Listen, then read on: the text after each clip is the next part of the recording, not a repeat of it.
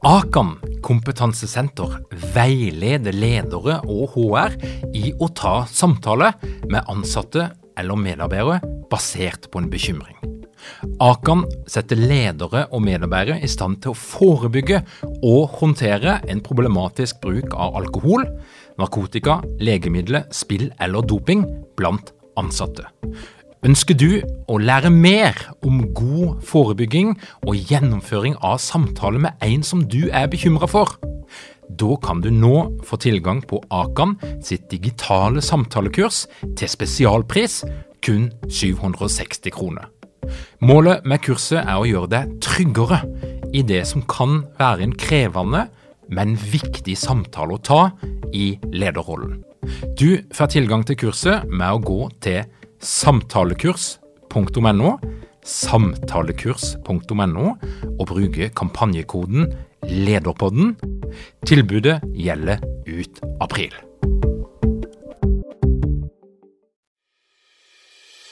Før episoden begynner, vil jeg gi deg ei lita oppdatering. Vi teller nå ned dagene mot 2. mars. Da er vi klare til å sette i gang Lederprogrammet 2021. Lederprogrammet er et digitalt lederutviklingsprogram der du får møtt ni av landets fremste eksperter på psykologi og ledelse. Vi snakker om interaktive workshops der du kommer tett på ekspertene. Vi snakker om å være en del av ei læringsgruppe der du møter andre ledere, der en deler erfaringer med hverandre, der en inspirerer hverandre, og der en utfordrer hverandre. Hvis du har lyst til å bruke de neste tolv ukene på å utvikle deg sjøl, få ny kunnskap og sette deg sjøl i stand til å møte de endringene som måtte komme, så anbefaler jeg deg å sjekke ut lederprogrammet.no. Lederprogrammet.no.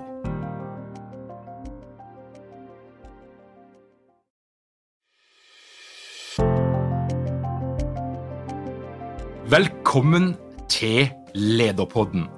Mitt navn er Tor Åge Eikerapen. Jeg jobber som organisasjonspsykolog og foredragsholder, og dette her er en podkast om ledelse. Vi er kommet inn i et nytt år, og hvis du er en leder, så vet du at et nytt år, og det er jo ikke et hvilket som helst år, det er et år fylt med usikkerhet, fylt med endringer, og det er et år der du må ta mange viktige beslutninger. Og beslutninger det er hovedtemaet for denne episoden av Lederpodden. Og For å snakke om beslutninger så er det klart at da må jeg invitere en ekspert inn i studio. Og vi er så heldige at det finnes faktisk en ekspert i Norge på beslutninger. Hans navn er Nils Tore Mæland. Han er psykolog, og han har til og med skrevet eh, ei fantastisk god bok om nettopp det å ta gode beslutninger. Nils Tore, velkommen til Lederpodden. Tusen takk for at jeg fikk komme. Det er, uh, dette her er jo et, et, juicy tema, og det er jo noe av det som kanskje uh, Jeg vet at mange ledere i hvert fall syns er det kanskje noe av det mest interessante i organisasjonspsykologien. Det er jo den her forskninga og den kunnskapen vi har om åssen vi tar beslutninger. Mm, mm.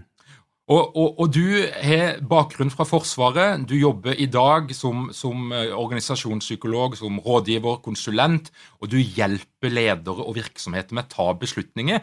Og blant annet så hjelper du dem i oljebransjen med å ta beslutninger knytta til hvem er det de skal ansette.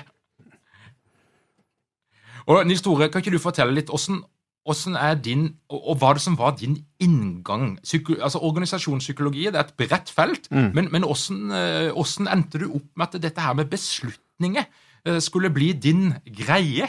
Ja, nei, vet du hva, det, det eh, har faktisk eh, bakgrunn i eh, for det første at jeg arbeidet i, som yrkesoffiser i Hæren, og, og det er en kultur hvor man hele tiden trener på ulike scenarioer og ble utfordra på valgene man tatt. Hvorfor tok du dette valget nå, og hva kan du gjøre neste gang, og hvordan forstår du denne sammenhengen og konteksten? Det er nå det ene, at det er en kultur for det i enkelte bedrifter, særlig Forsvaret. Eh, eh, og det andre var det at det, det skjedde en hendelse som jeg grubla på i årevis eh, etterpå, men som, som, ga meg noe. Både i forhold til hvem som var min leder, og og, og, hva slags innhold jeg fikk i feedbacken tilbake igjen. Altså, vi hadde Jeg var leder for et team som skulle hente inn informasjon eh, om hva fienden gjorde da i en stor operasjon. Og jeg var ganske stolt uh, over den uh, jobben. Uh, og vi var etter hvert under en stor øvelse i Nord-Norge. på Barfrosthøsten så var vi i en sånn high five-modus, for vi mente vi virkelig hadde track på hva som foregikk. Det var liksom sånn herre Vi så på hverandre og liksom begynte å smile og liksom tenkte ah, nå har vi det, liksom. Og inn døra kommer altså Odd Egil Pedersen, som eh, er nå pensjonert general, men som da var min sjef. Eh, og eh, ser på meg, og så sier han det er litt seint, Nils, å finne ut hvor fienden er når de befinner seg på kjøkkentrappa di. Eh, han er, han er 1,73 høy eller noe sånt, eh, eh, og isblå øyne, og fyller ethvert rom. Han er en fantastisk fyr. Og jeg kjente at jeg bare Følelsen sank helt ned i skoa, hjertet sank, ikke sant, og her hadde skjedd et eller annet vesentlig. Og Kortversjonen av denne historien er at vi altså i 24 timer styrte mot et scenario, en forståelse da, av hva som hadde hendt, og hva som faktisk foregikk, som var helt feil. Altså, vi hadde ikke snøring, vi var helt ute. Og den der metaforen om at de sto på kjøkkentrappa, den var nesten helt riktig. Eh, og det som skjedde da, var at han, eh, sjefen min, Odd Egil, han så nok at jeg blei lei meg. Jeg, jeg tok det tungt, jeg syntes det var vanskelig å gjøre en sånn kjempetabbe. Eh, og da eh, legger han en labb på skulderen min, og så sier han det, Nils, du må huske én ting, at uh, jeg vil ikke ha offiserer som jobber med meg, som ikke tør å ta feil. Det er det første. Mm. Og for andre, hvis du vil bli en riktig god beslutningstaker, eh, så skal du trene på det å ta valg, og du skal eh, svinge, slå på langlysa, spør deg sjøl eh, hva er det som kan skje der framme, og er det jeg ser nå, er det riktig, kan det være noe annet som skjer enn det jeg tror? Du må rett og slett sette på langlysa dine og svinge med lommelykta. Og de to tingene der, hvordan han tok det, og den hendelsen, den satt i meg i årevis etterpå, og etter noen år så fikk jeg anledning til å spesialisere meg i såkalt hærstipendiat ved krigsskolen, hvor jeg underviste i ledelse, og da ble falt valget på beslutningstaking. Og siden da så har det bare balla på seg, eh, for det er, fagfeltet er så eh, mangslungent og interessant. Så, så, der kom jeg fra. Så egentlig så var det rett og slett at uh, man dreit på draget, som det heter på godt norsk. Uh, og så ble det tatt imot med godt lederskap og god eh, coaching.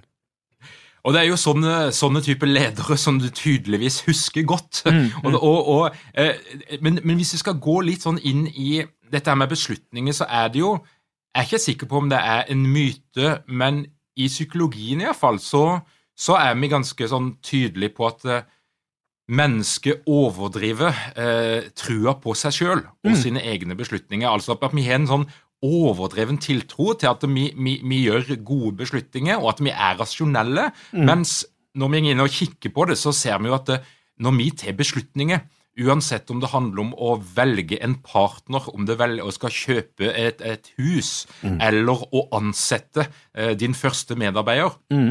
så, så, er vi påvirka av vanvittig mengde irrasjonalitet og mm. såkalte kognitive feilkilder. Mm. Og, og, eh, sånn generelt, Nils Tore, og gode er mennesker til å ta beslutninger?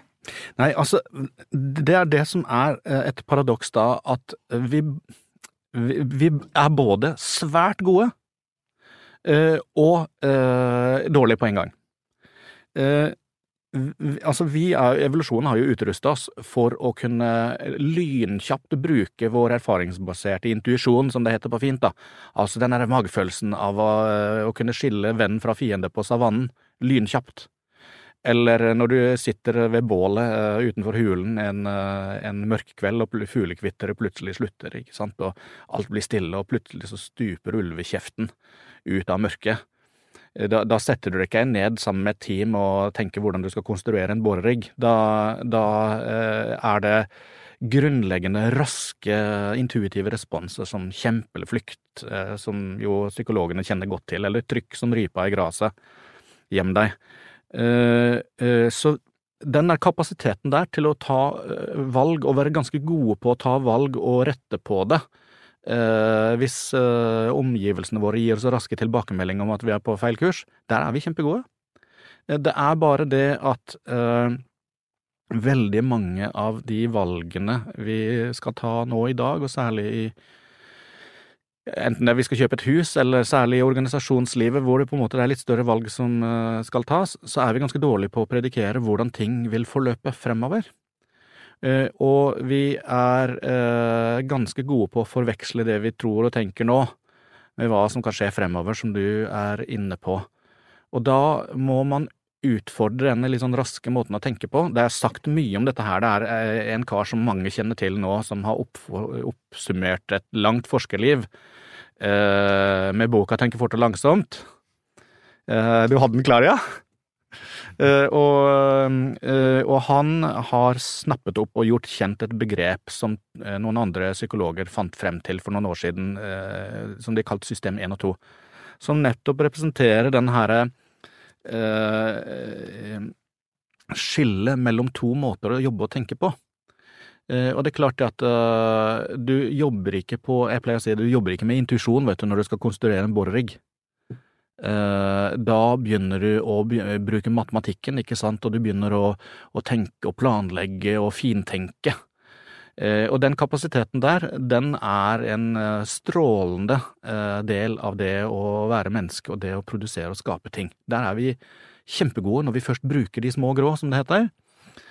Og så er det bare det at hvis vi går på autopilot, og det gjør vi ofte, så faller vi tilbake på den derre Eh, huleboermåten å tenke på, eh, som er rask og intuitiv. Vi merker nesten ikke at vi bruker den engang. Eh, så effektiv og kjapp er den. Og, og da vil veldig mange av valgene vi tar, rett og slett bli altså premature, for raskt. Vi hopper rett på konklusjoner. Altså, Danny Kay, den avdøde komikeren, skal ha sagt om, om kona si Her favorite sport is jumping to conclusions. Eh, men, men, han tok jo feil, fordi at det er, det er vår eh, folkesport å hoppe rett til konklusjoner.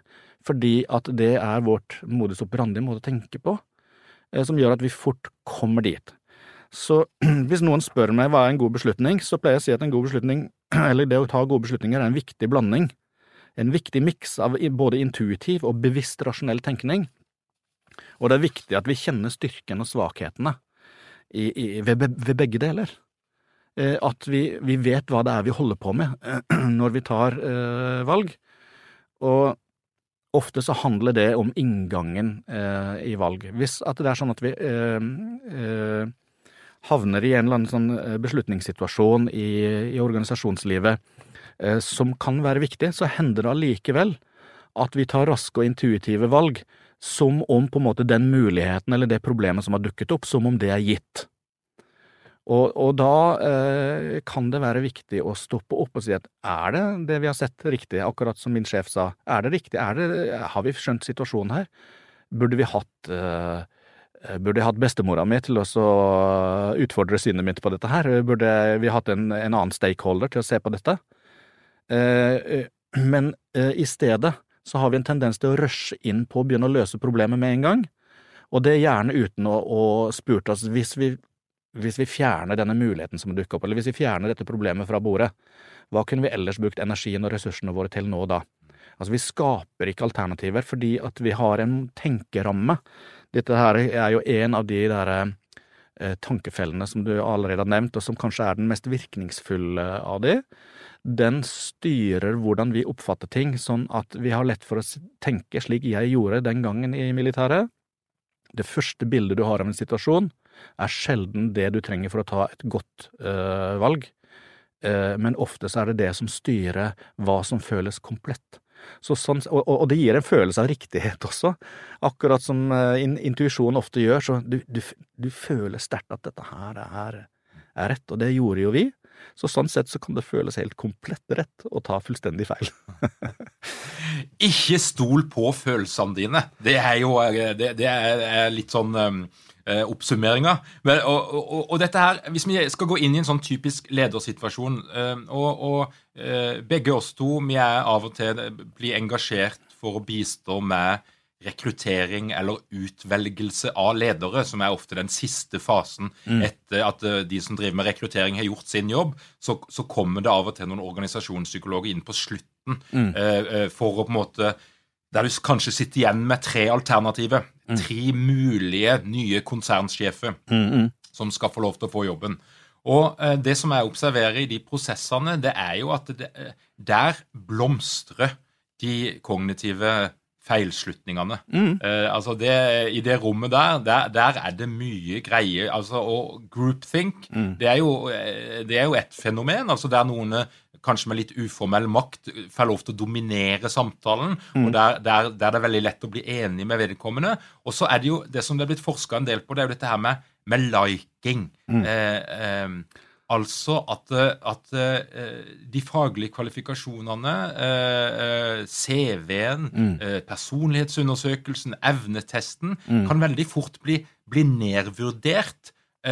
Og, og, at vi heller er opptatt av ja, men dette her virker jo som ei virkelig flott jente. Mm. Eller en, en, en, hyggelig kar. Mm. altså at de framstår som sympatiske, eller at vi opplever de som like oss selv. Ja, Er ikke det amerikanerne, hva, hva, er ikke det amerikanerne kaller 'being presidential'? Jau! Nå kan vi diskutere. Apropos det. ja. men, men, eh, men, kan ikke du fortelle litt, Nils Tore, hva er det som skjer når vi er i et, typisk et rom der vi sitter en gruppe mennesker, og så skal vi, så skal vi vurdere tre kandidater til en toppstilling, mm. uh, og så skal vi velge hvem er best egnet. For det vi egentlig prøver på, det er jo det du sa i stad, det er jo at vi prøver jo å predikere mm. hvem vil fungere best i framtida, mm. i denne lederjobben. Hvem vil gjøre den beste jobben? Det er jo det vi egentlig ønsker å finne ut av, ja. basert på et litt begrensa utvalg av data. Mm. Ja, altså Først, jeg må bare for, til, eh, for ordens skyld si at jeg er stort sett involvert i å hjelpe andre som velger ut, eh, altså firmaer som driver med seleksjon og sånn. Og så var jeg så heldig at da jeg jobbet på Krigsskolen, så var jeg ansvarlig et år for, uh, for dette uh, for, for, et prosjekt hvor vi, hvor vi skulle gå igjennom og endre på opptaket ved Krigsskolen. Altså Eh, kriteriene, vurderingen, prosessen og sånn, eh, og syns jo det der eh, med valg og valg av mennesker er uhyre interessant. Og det første, da vil jeg gå litt bak og se at det første som er kritisk viktig, det er at de som skal velge noe, og på en måte vet på forhånd at nå skal vi velge en, en ny leder, de må lage seg en, eh, en kriterieliste og en, og en grundig profil på hva det er faktisk de ser etter. Og de må beskrive det både ut fra erfaringer eh, som det vedkommende skal ha, de må beskrive det ut ifra eh, atferd som de forventer skal være typisk for denne lederen, eh, og en rekke andre ting. Altså, de som er eh, gode på dette her, de er veldig gode på det. De som er gode på å lage profiler. Eh, og det som gjerne dessverre skjer, det er at eh, man har eh, en god sånn, og så gjør man kanskje en screening i forhold til det å sitte igjen med noen kandidater. Og så tar det der med leikingen over i på en måte finaledelen av prosessen, da. og det er kjempeviktig å, å for dette her, eh, Da kommer jo denne såkalte bekreftelsesfella inn. ikke sant? At du, da, Being presidential, da ser du plutselig presidentegenskaper overalt. Eh, på samme måte som vi nå kanskje ser bare dritten, ikke sant, når det gjelder en viss eh, herværende fortsatt amerikansk president. Så da har vi en tendens da, til å begynne å finne grunner til å velge denne vi liker eh, som fort kan gå utover de kriteriene vi, og profilen vi i utgangspunktet skulle ha også. Så det å hjelpe seg med eh, en liste av kriterier, og det å, eh, når man kommer til det punktet hvor man skal gjøre et valg, da, skal jeg velge kule A, eller skal jeg velge kule B, eller C? Eh, så skal jeg være oppmerksom, som jeg sa innledningsvis, at det er viktig at vi kjenner styrkene og svakhetene med hvordan vi tenker, og da skal vi være bevisst på eh, at eh, det er noe her vi liker bedre enn eh, en noe annet. Jeg husker for mange år siden jeg jobbet i Forsvarets overkommando, så hadde jeg en sjef eh, eh, som skulle gi meg et utredningsoppdrag. Og han sa dette er tre alternativer, jeg vil at du skal utrede de grundig, Nils, men jeg legger ikke skjul på at jeg liker alternativ B best. Ikke sant? Eh, og da, og da skaper en jo, i tillegg til sin egen eh, tendens til å bekrefte hva han ser etter, også en, eh, en fordom hos meg, eh, hvor, hvor, jeg begynner å se etter noe. Og trikset, når man kommer til den, det punktet der man skal velge ut eller inn, altså eh, denne delen av en beslutningsprosess, handler ikke lenger om å finne mulighetene og finne opsjoner, men opsjonene er der, og det er gitt at man skal velge mellom de. Da må man eh, spørre seg, hvis jeg nå velger den jeg liker, særlig den jeg liker, hva er grunnene helt konkret til at det er et dumt valg å ta? Og så må man svare seriøst på det spørsmålet. Og så er det den vi ikke liker, den vi ikke liker her nå. Hva, hva kan grunnene være til at det faktisk er et godt valg? Så man må rett og slett balansere selve veiingen i den finalefasen Eh, der man tar opp preferansene sine og utfordrer de eh, som en del av beslutningsprosessen. Jeg tror mange av de som jobber med rekruttering som er veldig gode, de, de gjør nok litt av dette her. Men det, men det er bemerkelsesverdig hvor sterkt dette her med en troverdig, fin type kan slå gjennom og på en måte slå ut veldig mye av det man ellers skulle lagt til grunn i en grundig prosess, da. Og når noen spør meg hva er en god beslutningsprosess, da, så, uh, så, er det dessverre slik, for øvrig, da, at vi har en tendens til å se på utfallene. Ofte så vil de der presidentials også bli veldig bra, og vi vet jo ikke hva vi gikk glipp av når vi ikke valgte hun der som var dritbra, men som egentlig var mindre sjarmerende. Ikke sant? Så vi, vi, vi har skjulte profiler i valgmaterialet de skjulte profilene er de vi aldri får vite hvor bra de var. Eh, og så ble den der sjefen bra, da. Og da har vi en tendens til å veie beslutningsprosessen vår på utfall, altså på resultatet. Og det er en skummel ting å vurdere gode beslutningsprosesser, eller beslutningsprosesser hvor gode de er, på utfall. Fordi at du kan ha en dårlig prosess og få et heldig utfall, og eh, du kan gjøre en eh, god prosess og få et heldig utfall, men hvis vi skal være systematiske og belønne de som jobber bra med beslutningsprosesser, så må vi belønne de som gjør et godt forarbeid, og som utfordrer tankegangen sin underveis, enten utfallet er godt eller dårlig. Så det som sniker seg inn her, det er i tillegg da tendensen til å belønne heldige utfall, da. Ja, Nå svarte jeg på mer enn det du spurte om, men uh, Ja, ja. men det var, det var, et veldig interessant svar. Så det du, det du sier, at eh, mennesker vi har en tendens til egentlig med en sånn, en sånn selvforsterkende uh, mekanisme. Der vi, der vi, har en tendens til å liksom vurdere vårt eget valg som er det var bra. Altså det er litt sånn, mm. hvis, du, hvis, du, er i tvil om hvilken bil du skal kjøpe, mm. og så kjøper du den, den, bilen som du var litt usikker på, mm. Eh, så er det jo veld, eh, veldig mange som i etterkant søker masse bekreftelse på at det var den beste bilen. Altså Selv etter beslutningsprosessen er egentlig slutt, mm. så fortsetter du å være på internett og gjøre research og, og finne tester ja. for liksom å, å fòre ditt eget system med bekreftelse på at nei, det var jammen meg en god beslutning, du. Ja. Nei, jeg, jeg, kan jo si det sånn, eh, jeg pleier å si det, jeg spør for en venn. som har kjøpt en bil som er altfor dyr. Eh, altså, alle har vi vel vært, vært borti en eller annen eh, som vi kjenner, som har kjøpt en eh, veldig flott Mercedes, eller sånn som, som, egentlig var litt for dyr. Hva er det de fremhever av egenskapene i ettertid? Ja, ja, god gjenkjøpsverdi, det er liksom super kvalitet, uh, høy trygghet, ikke sant. Du hører jo ikke at de sier at ja, den bilen den ble egentlig altfor dyr for meg, og jeg kjenner at jeg er usikker på nå hvordan jeg skal betjene lånet, og egentlig så var, er det en del par ting jeg skulle ønsket den bilen hadde som den ikke har. Hører, du hører jo ikke de sier det. Og det er liksom den, denne bekreftelsesfella i praksis. Så hvis vi skal tro på Daniel Kahneman, som har skrevet Tenke fort og langsomt, så er det et Altså, det er jo et førtitalls sånne her kjente eh, tankefeller. Jeg syns det kan være litt skummelt å på en måte eh, forholde seg til menneskelig valgkapasitet da, uh, med, med, det som innfallsvinkel, men det er to feller som jeg syns er spesielt viktige. Den første var den som jeg sa jeg falt i, at du får en forståelsesramme som på en måte gir deg eh, et utgangspunkt der du tror det du ser. Og så er det neste at du begynner å se etter det du tror på, og bekrefte det. De to, tingene, de to fellene har en tendens til å forsterke hverandre. Du, du tror det du ser, og det føles komplett, og så går du videre på det, selv om det er feil, og så begynner du å se etter indikasjoner på at det er rett. Sånn at eh, man hører jo når man formulerer dette her, at uh, det veldig fort kan dra innmari skeivt av gårde. Men er det, og, og, og, Hvorfor gjør vi dette her? Altså, eh, for, for i Tverske og Kahneman de mm snakker, altså det, det, handler jo litt om mental kapasitet. Mm, altså ja. det, det, det, å, å, det, å, utrede, få alle fakta på bordet, det å være grundig, det å være objektiv, mm. det krever jo både tid, og det krever mental kapasitet. Det er den ene dimensjonen. Så det mm. å ta kjappe beslutninger, det gjør jo at du er kjapp, og du, og du slipper å, å, stå i lange prosesser. Mm. Men, eh, og jeg kjenner litt på dette her sjøl, for jeg er Er ikke mange ledere uten trening eller utdannelse innen ledelse? Mangler du ikke en felles kultur og praksis for ledelse? Ønsker dykken å være bedre rustet for fremtidig vekst og endring?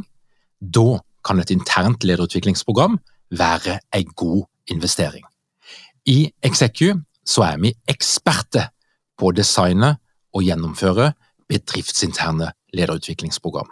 Hvis du ønsker å lære mer om hvordan vi kan hjelpe dykken til å få enda bedre ledere, ta og klikk deg inn på execu.no.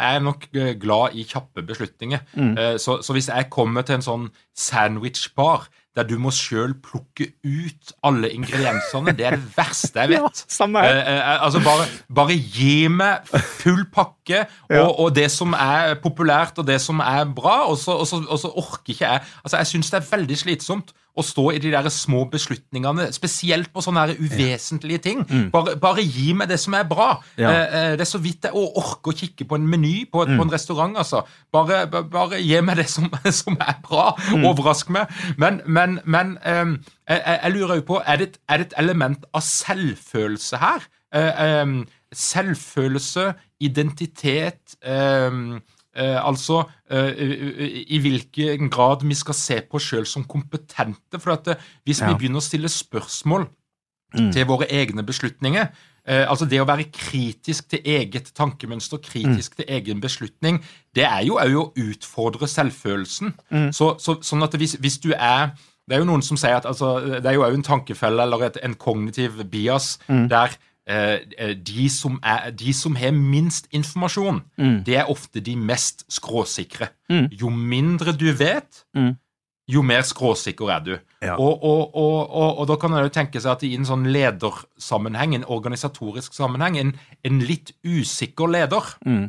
En litt utrygg leder mm. vil potensielt ta dårligere beslutninger fordi vedkommende er for utrygg mm. til å være kritisk til sine egne eh, vurderinger og sine egne antakelser. Eh, fordi at det vil, det vil, true identiteten, eller, mm. eller, vedkommende kan føle at det truer min status, eller og, i hvilken grad jeg vil bli opplevd som kompetent. Ja, eh, vet du, Dette er jo en veldig god refleksjon, det her, og dette her er ting jeg har grunna på i mange år. og Det er flere elementer ved det. Eh, eh, eh jeg tror det eh, Altså, jeg skal ta det siste først, da.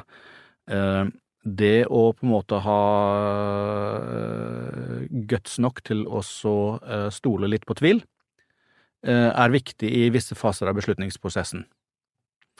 Og sånn, og som deg så er jeg for hastighet i beslutningsprosesser. Jeg kan komme litt tilbake til det. Men målet mitt er jo at beslutningsprosessene skal være mer robuste og, fast, og raskere. Eh, og sånt, men jeg eh, oppfordrer bare til å også i gåseøynene somle på andre steder. Og særlig da i begynnelsen, hvor problemet blir definert, hvor alternativene skapes, og hvor eh, perspektivene får lov til å definere en robust forståelse. Etter det så kan man gjerne jobbe ganske raskt. Eh, og så er det dette her med for mange år siden, så, eh, da jeg skulle slutte i Forsvaret så, eh, og begynne å jobbe som konsulent, så var jeg veldig begeistra for dette tankegodset her og, og sånt, og snakka med kolleger om det. Og jeg har lyst til å holde foredrag om beslutningstaking og hvor vanskelig det er og hvor dårlig vi egentlig er, og da var det en som sa til meg da, eh, at du skal være veldig forsiktig med å dra rundt og begynne å fortelle norske ledere at de er dårlige til å ta valg. Eh, Det husker jeg, det påvirka meg, jeg blei jo litt redd, for det tok tid, da.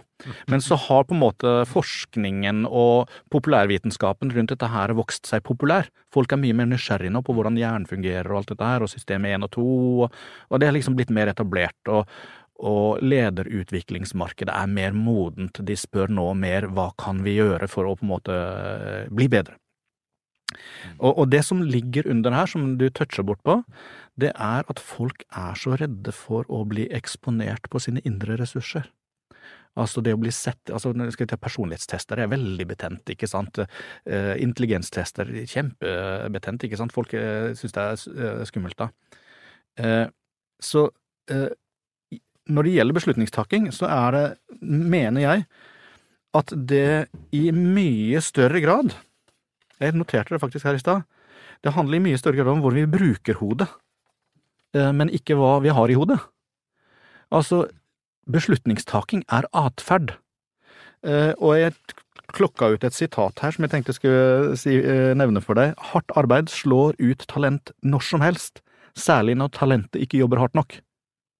Og for beslutningstaking så gjelder det i høyeste grad, og det er der eh, Kahneman og atferdsøkonomien har kommet inn og på en måte blitt tydeligere. Vi kan, vi kan være nysgjerrig på å ta utgangspunkt i at vi har en del muligheter og begrensninger. Vi har nydelig kapasitet til rasjonell tenkning, men det krever mer energi og oppmerksomhet. Tar lang, langsomt, ikke sant. Det er som den katten Garfield. Den er smart, men litt lat, ikke sant, og, og brukes ikke alltid. Og når katten er borte, så danser musene på bord eller systemet 1 på bordet og får oss til å tenke fort og unødvendig fort, og i noen situasjoner er ikke det bra. Og i andre situasjoner er det helt greit. Og, og da handler det mer om inngangen i det, og jeg tror det at det første vi må erkjenne, det er at dette handler om å øve seg på scenarioer, situasjoner, og trene og snakke om handling. Beslutningstaking er handling, men tankehandlinger og fysiske handlinger som, som følger der. Og det å, å, å, i større grad begynne å ta et par eh, A4-ark og notere ned hva tenker vi, hva er problemet, hvilke opsjoner har vi, hvis vi fjerner dette problemet fra bordet, hva kan vi gjøre da? Altså fokusere mye mer på handling og trening, så, så de som gjør det, viser seg å bli veldig mye bedre, og ganske fort. Sånn at det handler egentlig ikke om hvor smart eller hvor god man er, men hvor de fleste er smart nok. Det handler om å på en måte eh, bruke noen enkle teknikker og grep som gjør at man ikke faller i de verste fellene, og så handler det om å tørre å tvile og ville utfordre tankesettet sitt.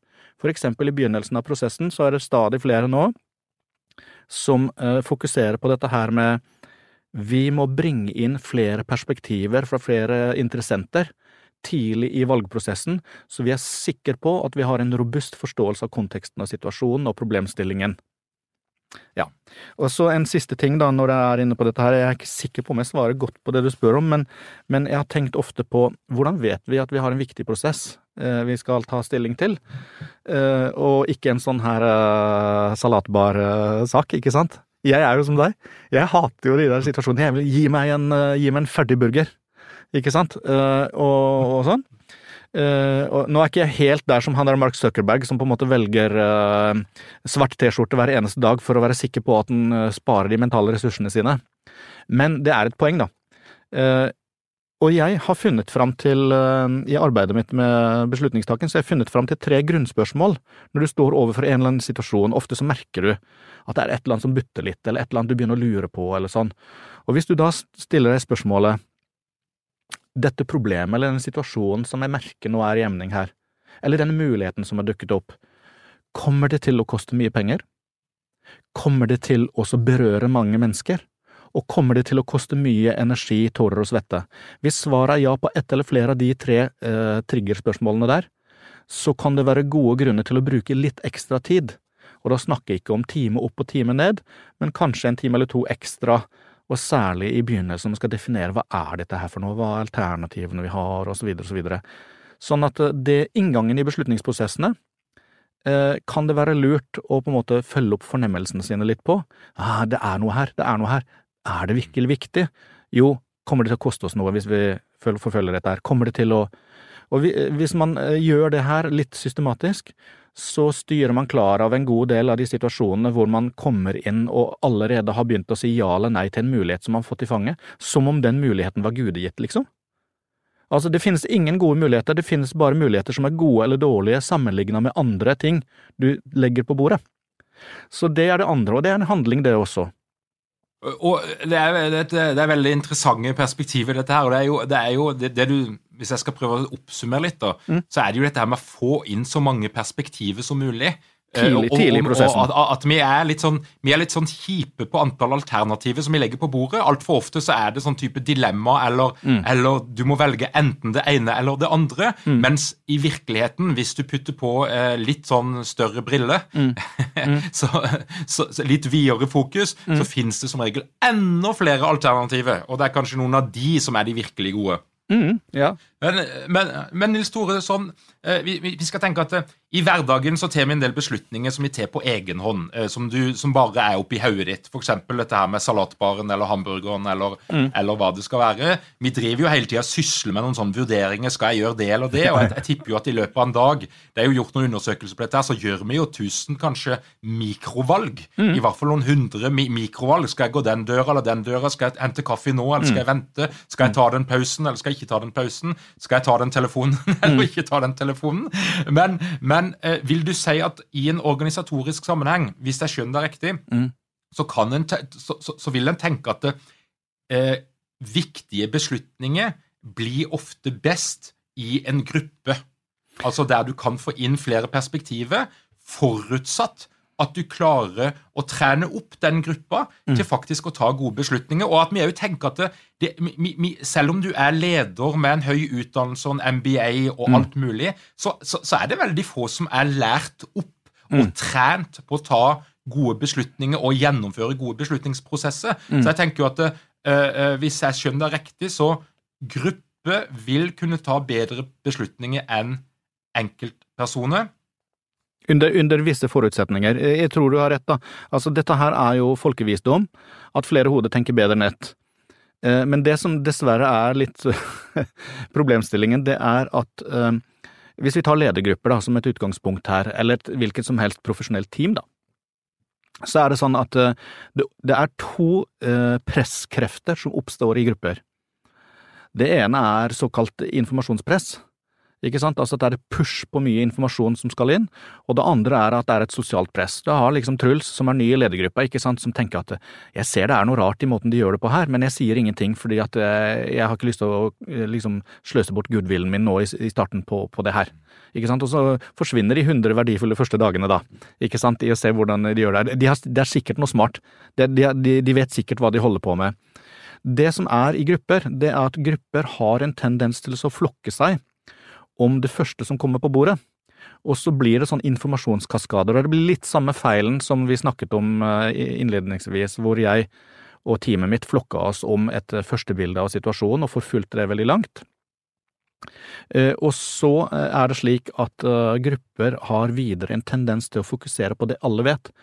Altså, hvis det da sitter en borti kroken og er bekymra og liksom har et divergerende syn på ting, da, så eh, er erfaringen at vedkommende ikke, ofte ikke blir spurt. Og i tillegg så, så har grupper som, uh, som, kjent en tendens til å polarisere og, og, på en måte trekke ting uh, ut i på en måte lengre i den retningen de allerede går i, enn man ellers øh, ville gjort. Da. Så Sånn sett så kan de system 1-feilen, altså denne her litt kjappe tenkningen, den kan eh, faktisk forsterkes i grupper.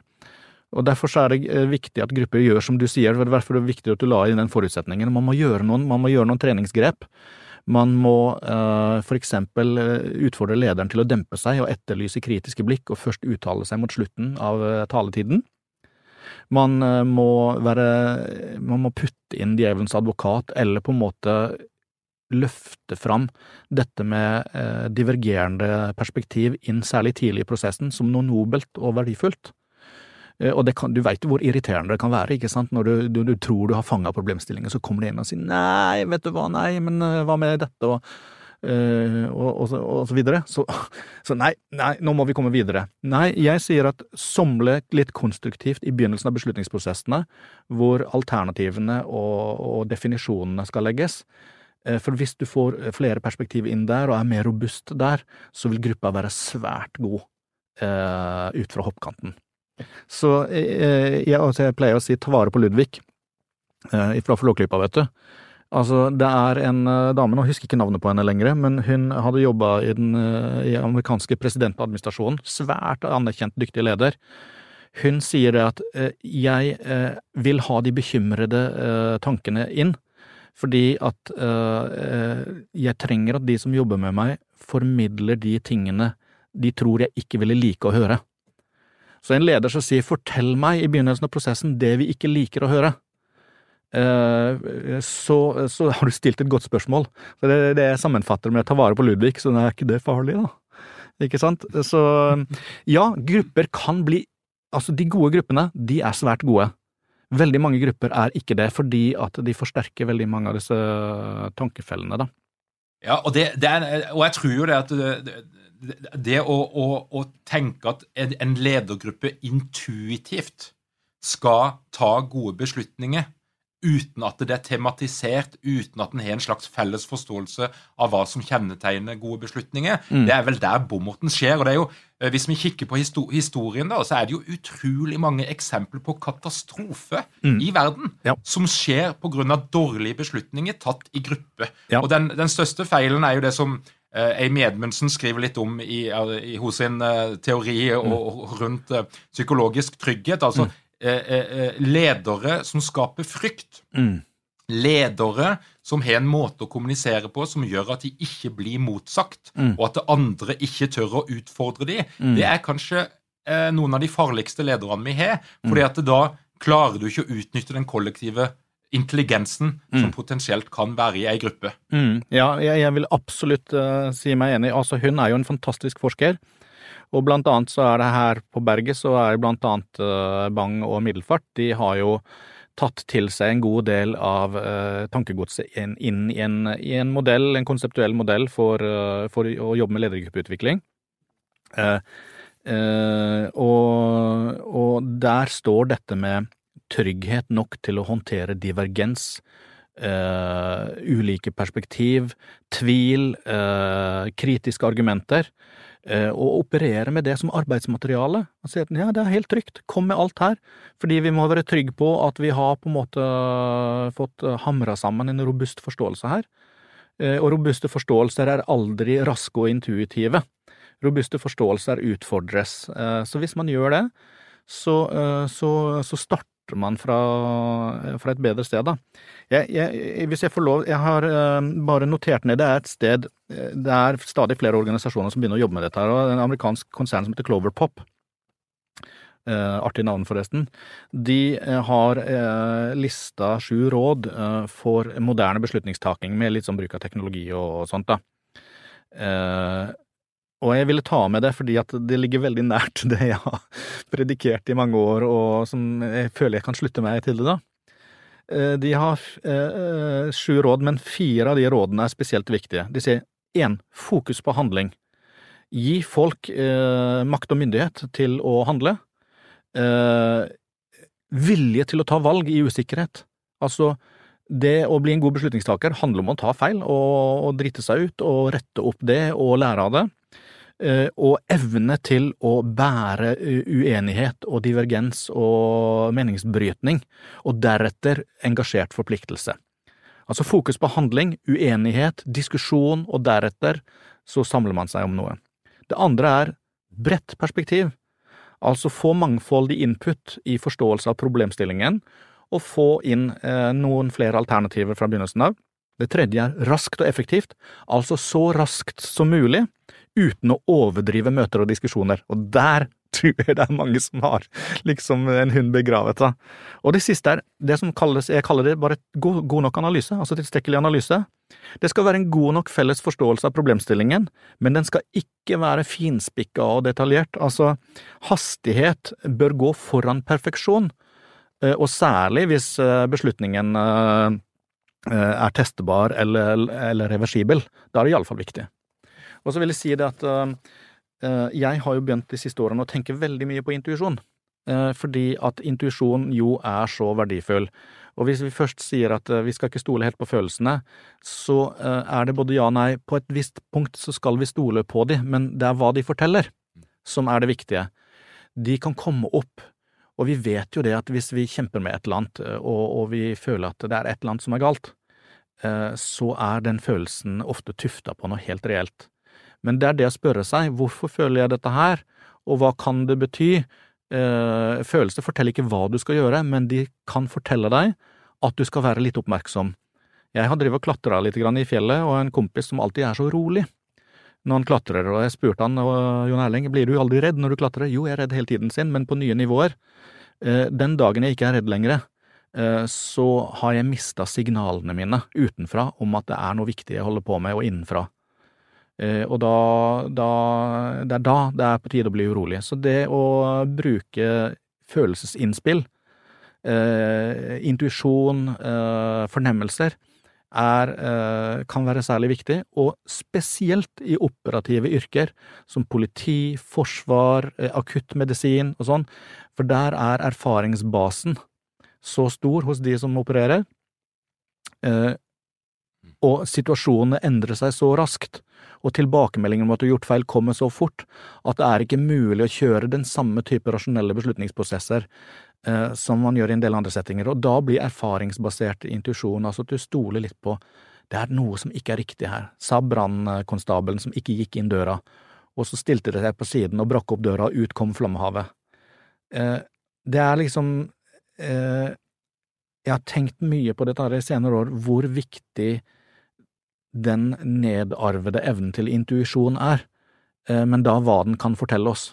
Og i operative situasjoner som går fort, og i komplekse situasjoner eh, hvor, ting er uklart og kaotisk, så kan intuisjon være et veldig mye bedre innspill enn det man tror. Men at ledere på høyt nivå som sier at intuisjonen min er mitt viktigste verktøy i beslutningstaking, da er vi tilbake til den fallgropen om at uh, mine indre ressurser er det som er det viktige i beslutningstaking, og det er det jeg forsøker å komme bort fra, da. Det er ikke det at uh, Truls eller Kari er så glimrende CEO-er fordi at de har de indre ressursene, men fordi at de gjør en del ting som er veldig lurt å gjøre.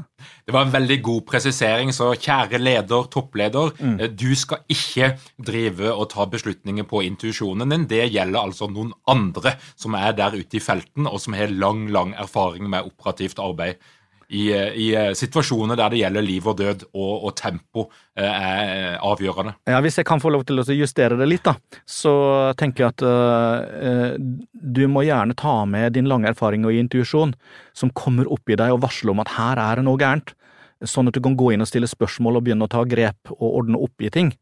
Men å ta store beslutninger bare basert på magefølelsen, Eh, da er risikoen at eh, man baserer det på et eh, øyeblikksbilde eller et snevert bilde av virkeligheten. Og vi har nettopp snakket om hvor viktig det er å bringe inn ulike perspektiver, tvil, og få mer robuste forståelser av hva man opererer på. Så lenge det gjelder komplekse og store problemstillinger, med, med, stort økonomisk og menneskelig potensial i, så er det lurt å, å gruble godt i starten, da. Og få inn grublere. Nils Tore Mæland, tusen hjertelig takk for at du kom til Lederpodden. Ja, takk for at jeg fikk komme. takk. Jeg er helt sikker på at veldig mange av de lederne som hører på Lederpodden, de skal ta ganske mange viktige beslutninger framover. Ja, for uh, vi lever i ei tid der vi, vi, vi, må gjøre ting på en annen måte. Mm. Vi må forholde oss til et veldig skiftende verdensbilde. Og, og, det gjør at behovet for beslutninger og gode beslutninger, det tror jeg er helt på topp akkurat nå i, i 2021. Mm. Så igjen, tusen takk. Sjøl takk. Kjære lytter eh, til Lederpodden. Eh, Dykken vet at nå nærmer det seg oppstarten av lederprogrammet 2021. Vi snakker altså 2. mars. Da sparker vi i gang. Og en av de første som skal på, på scenen, den første modulen, det er nettopp Henning Bang og Thomas Middelfart med effektive ledergrupper. Det er den første modulen. Og Lederprogrammet det er jo et digitalt lederprogram som går over tolv uker, der du får møtt ni av landets fremste eksperter på psykologi og ledelse. Det er digitalt, men det er live, og det handler òg om å treffe andre ledere i læringsgrupper. Det handler om å bli inspirert, det handler om å bli utfordra, og det handler rett og slett om å få ny kunnskap og utvikle deg, sånn at du er best mulig i stand til å møte det som måtte komme i den tida som vi nå, nå lever i. Så Hvis du er nysgjerrig på lederprogrammet, så nærmer det seg oppstart, og du går inn på lederprogrammet.no. For å gi dere hint, et hint til, så er det jo sånn at eh, Lederpodden vi driver med mye rart, og vi, vi setter jo i gang sånn plutselig livesendinger. Eh, og det du hører på akkurat nå, det var faktisk en, en livesending. Og hvis du ønsker å bli orientert om de her livesendingene og andre ting som skjer, så gjenger du inn på lederpodden.no. Da, kjære lytter, er det bare å si tusen hjertelig takk for at du hører på Lederpodden. Hver eneste fredag så kommer det en ny episode, og du kan allerede nå begynne å glede deg. Og jeg vil bare ønske deg ei riktig god uke, og igjen takk for at du hører på Lederpodden.